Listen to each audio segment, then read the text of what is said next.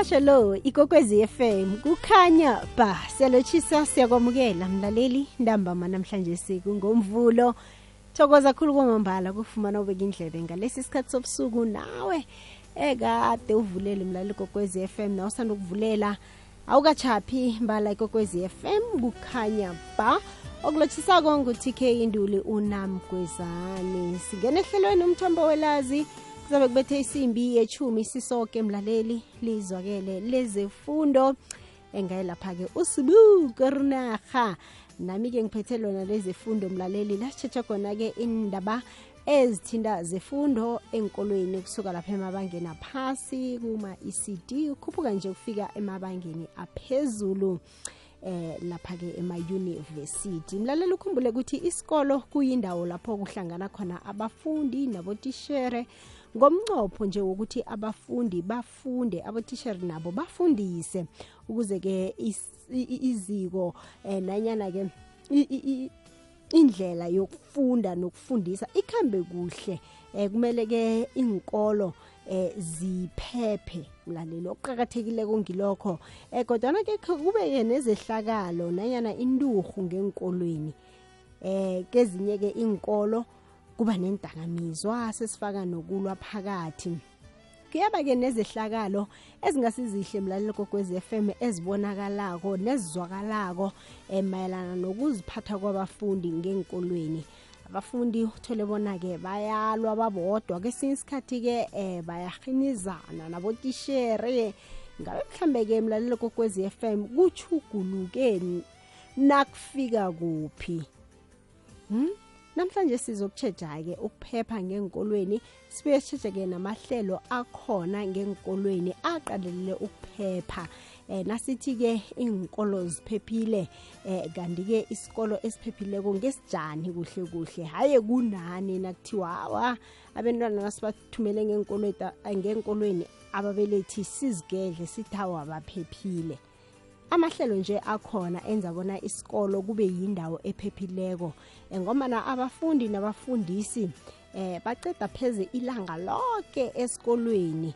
Ngabe mhlambe ikambiso kanye ke nebambiswano lemikhandlu ephethe enkolweni kanye nomphakathi ukuze ke inkolo zibe eh, ke sithi mhlambe enkolweni zonke kube yindawo ephephileko. Mlalele kokwezi FM asitshejeke ikambiso kanye-ke nebambiswano lemikhandlu ephethe inkolo kanye nomphakathi ukuze-ke inkolo zibe yindawo ephephileko. Iba nomfakela-ke endabeni esiphetheko le sidosela umtato-ke nawe kanti godi-ke ungagadangisa nephimbo lakho. Emtatweni sikhona isithekeli engikhambisana naso ubaba ujabu mambane.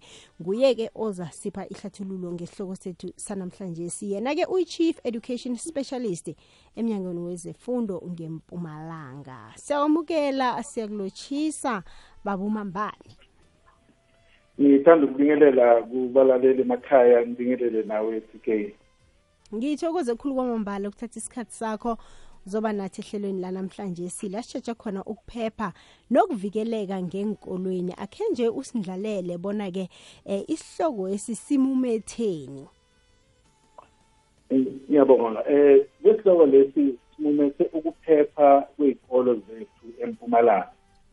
Esifuna ukuthi ley'kolo zethu kube ama-safe heaven la abantwana khona bayakhona ukufunda baphephile ngayo yonke indlela kuthe-ke ngo-2012 um kwi-state of the province address the then premier u-dd mabuza u-deputy president manje wa-adopt wa-pronounce i-strategy esibalulekile ngoba athi eh noma sithi siyimpumalanga inkinga yokuphepha esikoleni akusiyo inkinga yesikolo eh eh wo wonke ama sectors of government fanele kube ne-role ayidlalayo. Lawa identify khona ama ama ama departments akhi South African uh, Police Service. Mm. i-DS i-Department of Social uh, Development wa identify i-Department of Community Safety Security and Liaison waso uthi-ke i-department of education ngoba yiyo ebheke abantwana ey'koleni ayibe yi-lead department kulama programs azoyenziwa ngokubambisana ukusho ukuthi uma siplana ke siplana together nalama units angwabalile manje lama departments siphume so isingaphandle sihambe sonke Mm. eh so lwa ilokuza i-crime whether i-social crime or i-violence ey'kolweni noma ngayiphi indlela evela ngayo but masibambisene sizokhona ukuyilwa but masingayilwa as i-department of education angeke siphumelele isukele lapho-ke le ndaba yokuthi sisebenzisane nakuwo wonke yini-ke? Bengifuna ukundlala ngifuna ukundlala-ke ukuthi Yeah. lana um funa sikwazi ukuthi i-SAPS yenzani? Ayilwi ne-crime iyodwa. Mm. amaphoyisa awakhona ukuqeda i-crime. Mm. i-crime ikithi thina ababelethi nabantwana bethu emakhaya. Bangaze bakhona ukuyilwa i-crime uma thina singakhona ukubambisana nabo nama-CPFs within the community silwe ngenkinga yama-drugs nama-awareness campaigns. Nakuthatha bona labantwana bantwana ngathi baney'nkinga kakhulu sibayise ema-prison bayobona ukuthi le nto abayenzayo ibalindela ukuthi bafake bafake kube khona nama-debate abawenzayo. Kuphinde kuthi lokhuza i-DSD idila kakhulu yona ngama-drugs. Labantwana sibasuspectayo ey'koleni ukuthi ngathi badla ama-drugs ba- babheme iy'nsango yonke lento lesi. Kunama-drug testing devices esiwayisa ey'koleni. Lezi ezingasibona ukuthi la ama-hotspot la kunenkinga khona kakhulu. So that abantwana babatheste babatheste labantwana ukuthi okay lo mntwana lona i-behavior yakhe why ile njena sithatha umchamo siyathesta. Masibona ukuthi ngathi khona kungahambi kahle. Imrefera kulokhuza ka-D D bakhona ukumthesta seza bubona ukuthi umntwana lona bangamsiza kanjani asabeli mntu sekuba i-D S S L ke yona inalama-programs abo-adopt a cop random search and seizure. Siyangena ke la ekolweni kuma kunama-reasonable suspicion principal uyasitshela ukuthi eyilana kunabantwana baqaleke bahleke nje singazi bahlekani sekuyabona kune-reasonable suspicion ukuthi abantwana laba ngenzeka badla ama-drugs la ekolweni abanye bayagwazana yonke lento le. Sekusebenza lento kuthiwa and seizure. Mm. nokuthi bangene amaphoyisa noma ekanjani noma ngabe yinini banga-anawusanga basesh la emaklasini kodwa bangathola lezi zinto lezi abababophi labantwana Mm. basebenzisa labantwana ukuthi kuyosikhomba ukuthi le nsango lena ithengwa kwabani. Lama-drugs atholakala kuphi.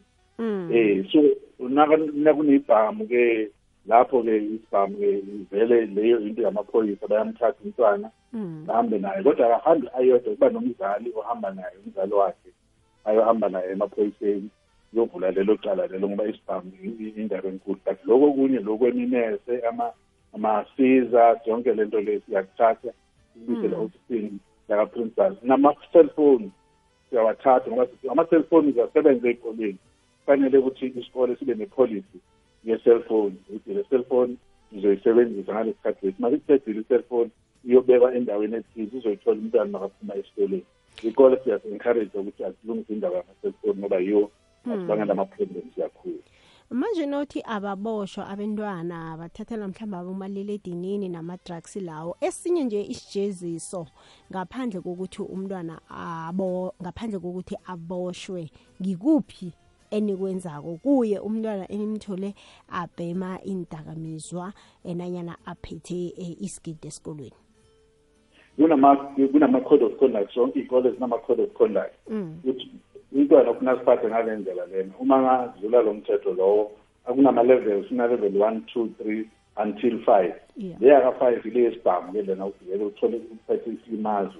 But lezi ezinye lezi um siyakhona ukusilungisa ngoba sizama ukurestora i-justice kulabantwana ngoba sisabakhulisa bayaphuma benzile sibalethe Mm. but masokuba ingozi kakhulu-ke then lapho bayahamba-ke amaphoyisa adecide ukuthi yenza kanjani kodwana engithole babumambane ukuthi yini abonobangela bokuthi kube nokulwa kangaka ngenkolweni ukulwa kubafundi khona-ke kunawuphi umthelela i-impact ebafundini nakubotishera ukulwa kubafundi that is why esikoleni siba nale committee ekuthiwa yi-school safety committee mm. le lapha kule committee leyo kunephoyisa ku- ku- ku- no-principal uba khona lapho na laba abaku-school based support team ngoba abanye abantwana balwa ngoba mhlawumbe bayagula engcondweni Mm. so lowe i-school based support team yasho ukuthi le ngane lena inenkinga idinga i-attention okunye ukulwa kubangayizo ley'nsango ngoba siye siye kwezinye iy'kole. Eh ngiyakhumbula siye kwesinye isikole sathola amantombazana abafana ababhekisa Hmm. mase siyathuka thina simangele thina sithi hawu lo mhlolo lona kanti abantwana laba oh uma sibizwa imember ye-SGP hey labantwana beza bayabhema le nsango zabo laba siyazama mara eh bayasula ngoba insango isemthethweni. Kodwa kune-code of conduct esikolweni eregulator that funeke sibe sesibheka ukuthi iyalandelwa yini i-code of conduct ngoba lokulwa loku uma umntwana abheme insango vele uzolwa uzolwa nalona ngobhema insango lo bhema insango akufuna ukufunda lo lo ufuna ukufunda kuzoba khona isicabano nokucabana okuqhamuka ngaphandle kunama-gangsters noma angasimaningi empumalanga but akhona ama- eh, ama- ama- ama- ama- iy'ndawo ezithize la kuba khona ngama-gangsters. Siyazama-ke ukuthi ngokubambisana nala ma-stakeholders emababili manje ukuthi sikhona ukulwa nale- na- nalezo zinto lezo. Ngoba ezinye zifuna ngigcine niyongena ku-community ngikhulumise ababelethi ngoba ezinye izinto zisukela kubabelethi emakhaya. Nalokuthi um- umama nobaba basolve ama-problems wabo ukushayana. Nabantwana babona ukuthi okay futhi ukushayana kuyi-solution ezintweni ey'ningi abahlangabezana nazo. So nabo bayakuthetha-ke ey'koleni.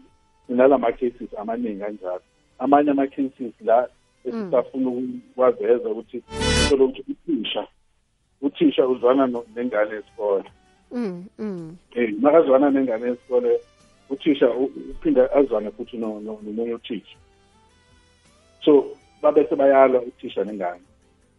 Nakusibangela inkinga ngoba ekugcineni tholakala sekufanele i-department ibhadale imali just because kulo uthisha ushaye ingane ngoba babanga uthisha inengi abazwana naye yabona?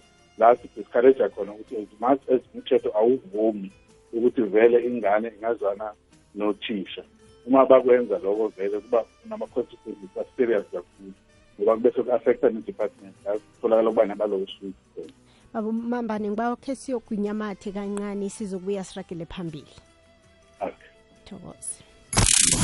Wathinta abafazi wathinta impokotho sikubulo somtshakalo owenziwa ngokuthula kodwana umphumela wawo waletha amajuguluko kibo bonke abomma benarheni yekhethu namhlanje si-ithima lango-1956 ligidingwa ukuthabela ukukhumbuzana ngendaba ezithinta abantu bengubo ekhethwapha ne-afrika abomma basakandelelekile ngokwamalungelo ngamathuba ngemisebenzi ukusahlelwa nokubulawa. Isewula afrika njengephasi lonke iqale ukubujukulula ubujamo bokungakafiki u-2030 hashtag phakama mma lihlelo umthombo welwazi no-tk. Ulilethelwa yi-sabc radio education.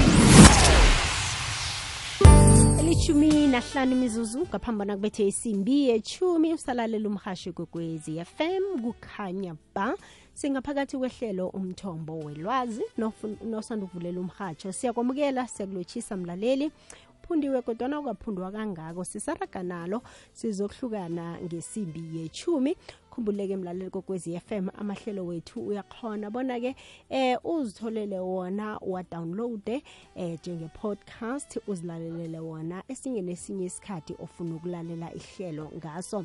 Ngena lapha kuwebsite yomhatsho ikwekwezi fm uthi www co za khona-ke uh, amahlelo ahlukahlukeneko wezefundo namahlelo nje womhatsho ungazikhethela-ke um amahlelo wezefundo akuphundileko ulalele. Bona-ke besithini mlalele kokwezi FM njenganje eh, namhlanje sike siqale zokuphepha enkolweni la ngikhambisana khona nesithekeli sami ubaba ujabu umambane oyi-chief education specialist emnyangweni wezefundo ngempumalanga. Simema wena-ke njenganje mlalelo kokwezi FM khulumisane nathi bona wena njengombelethi njengelunga lomphakathi njengomfundi kiphi nje indima oyidlalako ukwenza isiqinisekiso sokuthi esikolweni eh kuba nokuphepha. Imiguruguru evane siyizwe esikolweni ubona ibangelwa yini? Ngikuphi kufanele kwenziwe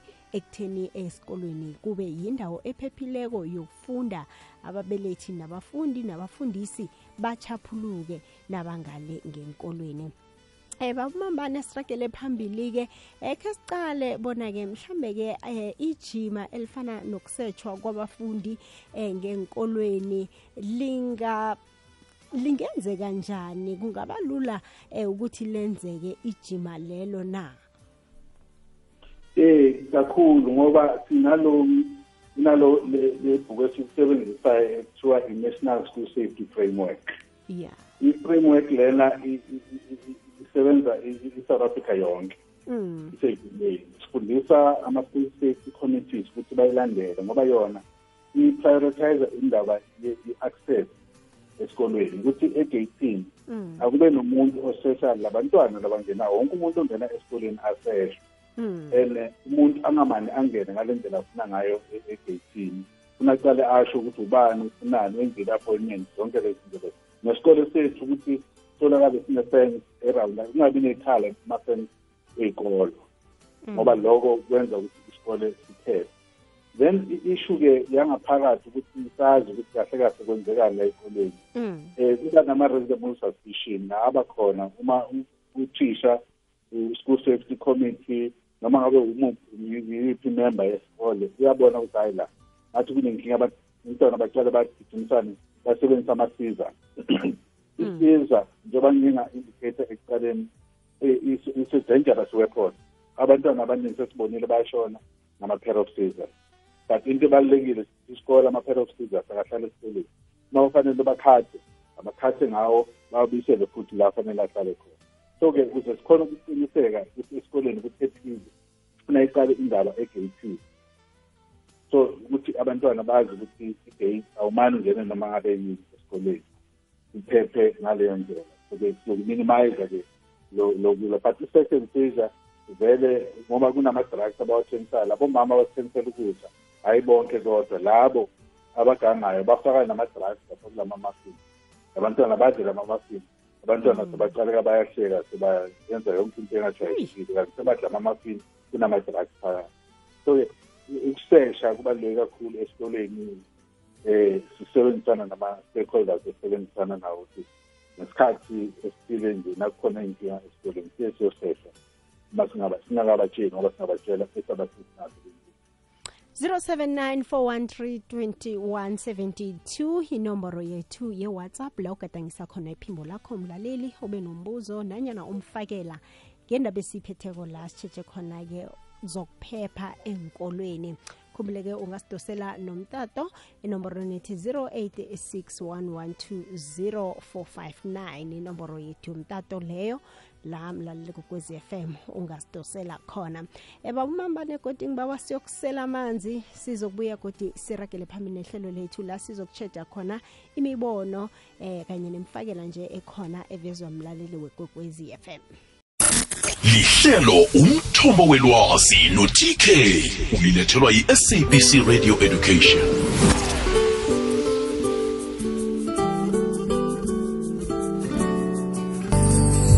Elithoba kwaphela imizuzu eseleko ngaphambi ngaphambana kubethe isimbi yechumi ngesimbi yechumi. Siyalisonga ihlelo lethu mlalele kokwezi fm umindlu lavo ragela phambili nehlelo sizigedlile bekubethe isimbi yechumi nambili ngo-half past 10 namhlanje. Si eh, uzabakhuluma lapha-ke novusnanasikhosana la batsheje isihloko sokuthi khuyini utokoloji? Ungena njani emntwini? Ulatsha njani? Itopic ezabeke ichisa mlaleli ebeke indlebe uzokuzwa bona kuhle kuhle indoda efitshane le iyini. Thina nokho sisaphethe zokuphepha enkolweni la ngikhambisana nobaba ujabu mawubane 0794132172 bambambane ngithokoza kakhulu ukusibambela. Akhe sizweke imibono evelako ngapha kumlaleli kuwhatsapp.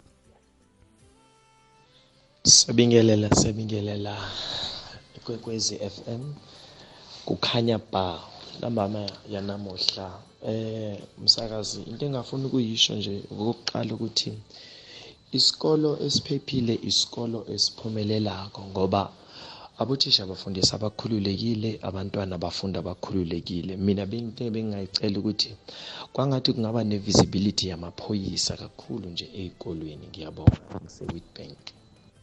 Ahake siyathokoza. Omunye godu. Lotshani ekwekwezini si- sinawe imindlo love mina le ngikubonako ukuthi kungenta tikolo ukuthi tiphephe kwekuthi eh ba-implemente ama ama CCTV ama CCTV cameras. And then kube khona umuntu or bantu labamonithayo. Eh bamonithe especially not phakathi emaklasini ngoba kutosho ukuthi seba-invada i-privacy but i don't think esikolweni ikhona i-privacy. And then la ngaphandle from egeyidini to labadlalela khona labantwana nakuyi-break like imonithe all around the school. Iphindze itomonitha la ngasemnyango ema-toilet not exactly ngaphakathi ema-toilet ngekhathi ema-toilet because nalapho it's, it's, it's another private um, facilities. Imonithe nje la kungathi khona kube nje bantu labahleli nje labamonithako mhlawumbe babe ngi-two or babe ngi-three i-government ikhawulele ukuthi isebentise imali budzedengu ngendlela lengabonakali. Icashe icashe ama-cctv operators ukuthi babone yonke into le yentakalako esikolweni. Up until ngaphandle because labanye balimatana ngaphandle. That's how indlela yokuthi isikolo ibe safe nebantwana bafile safe laphayana esikolweni. Babe strict i-government icinise sandla ngoba nje nje nemoto lifikako kube khona ama-recording ukuthi imoto leso leso ifikile kuba ngcono nakukhona ama-cameras eh ngiyathokoza liswadi lasebhetala extension 2 clipsprate sibingelela sibingelela kwekwezi FM ukhanya ba nababa yanamuhla eh umsakazi into engafuna ukuyisho nje lokuqala ukuthi isikolo esiphephile isikolo esiphumelelako ngoba abothisha bafundisa abakhululekile abantwana bafunda bakhululekile. Mina into ebengingayicela ukuthi kwangathi kungaba ne-visibility yamaphoyisa kakhulu nje ey'kolweni. Ngiyabona for ibhenki ake siyathokoza. Omunye godu. Alright sithokoze sithokoze khulu kwamambala. Balali bethu baveza imibono yabo. Babomambane ngiyathemba uyizwile. Ungathini mhlambe ngalokhu abakuvezako? Ya ngiyabonga siyabonga kakhulu kubalaleli. Sihamba ishu yama-cameras ey'kolweni. Iy'ncumo ezithathwa ama-school governing bodies ukuthi bangazifakela. Kuney'kole eziningi ezinama-cameras but i-camera nayo ifuna kube nomuntu oyimonithayo oyi-operatayo njengoba bekashilo umlaleli la ukuthi i-department necashe abantu abazo-check-a ama-monitors. Bazomonitha ama-camera. Eh omunye-ke uye wakhuluma ngamaphoyisa um angithi nje zonke iy'kole zethu empumalanga zi-link nama-nearest police station. Ngasinye ngasinye isikole sinephoyisa um ukuthi nakuvele inkinga baripote kulo le phoyisa so-ke lapho kodwa lokuthi sizobona amaphoyisa aba-visible ku-community nasey'kolweni sibonile basichazela ngoba sisebenzisana nawo amaphoyisa basho ukuthi namanje sisashoda asikho enough. Wonke ama-communities ayacomplaina ukuthi asikho visible because we are not enough. So-ke just imagine mase kuzoba nephoyisa lesikole sonephoyisa leli lizohamba sibheka umphakathi general yoba into eyinkinga but kukwamanje while mhlawumbe i-government izomnikeza lezo zinto lezo sizayicela ezi-community thina yini esingakwenza? Angithi sinama-community policing forum amaphoyisa wethu asebenzela iy'kole zethu ezakhelwe thina ngoba izikole zethu siyazithanda kule program esinayo bathi ranza sikole shaweni so-ke nakuba ngaleyo ndlela ukuthi ngeke uhulumeni akhe isikole emphakathini bese umphakathi uthi okay usakhela isikole ke letha amaphoyisa azogana. Sho ukuthi thina asisithandi le sikole lesi. Why-ke sinale program ezi-department esithi kuyo randa sikole shawena thanda isikolo sakho. So-ke that way lokhona ukuthi bese uyanikezela ufaka umfutho ukuthi isikole sakho sithethe ngoba kuthinda abantwana bakho abazukulu bakho nawo wonke umuntu wasemphakathini Eh babu umambane sesisonga. Ungawuyelelisa uthini umphakathi ngokuphepha eh ngenkolweni nendima nje okumele uyidlale umphakathi ekutheni ke eh isikolo kube yindawo ephephileko? Ya Ngiya- ngiyabonga ngiyabonga eh, TK angisho nje ukuthi uhulumeni uyakhala kakhulu ukuthi ulahlekelwa imali eningi nokuthi singanakekeli iy'kole zethu eh, lokulimala kwabantwana nje ey'kolweni. Asivimbeni bangahambi ney'limazi ey'kolweni ngoba kugcina i-department ingane ilimele i-department masipay ukuthi nakukhulunywa ama-treat kuhanjweni abantwana kungana-permission abantwana bayalimala lena eh abazali nothisha ba-involve yonke le nto lena bese i-department kufanele ibhadale uma ingane isishonile seyilimele nabantwana ey'kolweni siyacela kothisha nabo ukuthi abantwana bangadlali bodwa. Uma badlala abantwana kube ne-time sokuthi eshoyo ukuthi labantwana labo badlala under i-supervision yamuphi uthisha nale access control bothisha bayatshontshelwa iy'moto kwenziwa yonke lento ey'kolweni because umuntu uyangena esikoleni abe uyaphuma ngendlela afuna ngayo. Bathathelwa nama-cellphone othisha bayashaywa ey'kolweni ngoba ama-gateways asiwakhiyi asina-control nalama nalama-tank ey'kolweni ama-s d b nama-tank la asume ey'nsimbini ezibolayo maziwa zigcoba ley'ngane lapha esikoleni i-department nayo iyabhadala ba nama-issues ama-lawsuit nama-litigation nawo othisha uzwana la ingane zesikole abakuyeke yaphela kudala le nto leyo namanje kodwa nathi senzeka kwezinye iy'kolo iy'kole. Nama nama-school government bodies lawa azi kahle ukuthi u-appointwa esikoleni u-appointwa h o d. Mara uma u-appointwe u-principal bona sebayalwa abasamfundo u-principal bakamboni nokumbona ukuthi akufakwanga lo muntu abamfunayo. Yet bayazi bayarekhomenda kuphela ba-appoint. That is why iy'kole eziningi manje azinabo principal bahleli emakhaya bayahola. Abantwana bayahlupheka ey'kolweni akuna-management just because ama-s b afuna ukuzithathela ukuzi-appointela ama-principal so siyacela kakhulu ukuthi bazali kube khona ukubambisana kube khona ukuthula ey'kolweni ngoba noma kunomsindo esikolweni abantwana bayafeyila ekugcineni ngiyabonga msaya babumambane kuthokoze thina ube nobusuku obuhle. Njengesifunda sempumalanga sinithola phi-ke nasifuna ukunithinda mayelana nezefundo? Ya u-zero seven six ye. four two seven mhm. nine zero nine eight. Asibuyelele? Zero seven six four two seven nine zero nine eight. Aha-ke sithokoze khulu baba ube nobusuku obuhle. Ngiyabonga PK ngani futhi nibe right eh, abazali emakhaya siyabonga kakhulu. Ukuthi ninikeza ithuba aha-ke siyatsho kubabelethi na kibo boke abantwana ukuthi ranza shikolo sha wena. Amen. Aha-ke mfun- eh kubaba la-ke ujabu mambane oyi-chief education specialist emnyakeni wezefundo um ngale-ke mpumalanga sikhuluma ngapha ngendaba yokuphepha enkolweni yenza njalo-ke mfundi yenza njalo mbelethi ranza shikolo shawena. Thatha isikhathi sakho-ke uhlole ibhegana yomntwanakho. Kho uyihlole ngaphandle nje kokumbawa la nakaceda ukuyiphosa lapha kho uthintithe ngaphakathi uhlole ukuthi kunani nani nani. Um nakunento ethize engafunekiko esikolweni yenza isiqinisekiso sokuthi ukhulumisana naye uyamtshela ukuthi-ke le nto le ayihlogeki nakancane ukuthi angakuhamba nayo esikolweni. Um nezembatho zakhe njalo njalo wenza isiqinisekiso sokuthi uyazisetsha lokho kuzokwenza bonyana nokho kube lula ukufunda nokufundisa kwabatisheri enkolweni mina-ke njenganje imlalelo kokwezi FM ngiyakhamba. Jideni umindlo lafu ngaphakathi kwehlelo. Sizigedlile bekubethe isimbi yeshumi nambili. Kathomu ulale emlalelo kokwezi FM ngo-half past 9 ngiyabona la-ke ukhuluma ngendaba nasi eh, yokuthi khuyini utokoloji? Ungena njani emntwini? Ulatshwa njani? Vusinanasi sikhosana sithekeli sakhe leso azabe akhambisana naso. Kuyasho ukuthi nawe mlaleli kokwez FM uza kuphiwa ithuba lokuthi udose umtato ube nombuzo ngesihloko sanamhlanje. Sibizo lami ngingu-tk thokozani nduli ngizokubona kusasa. Commerce and finance khambile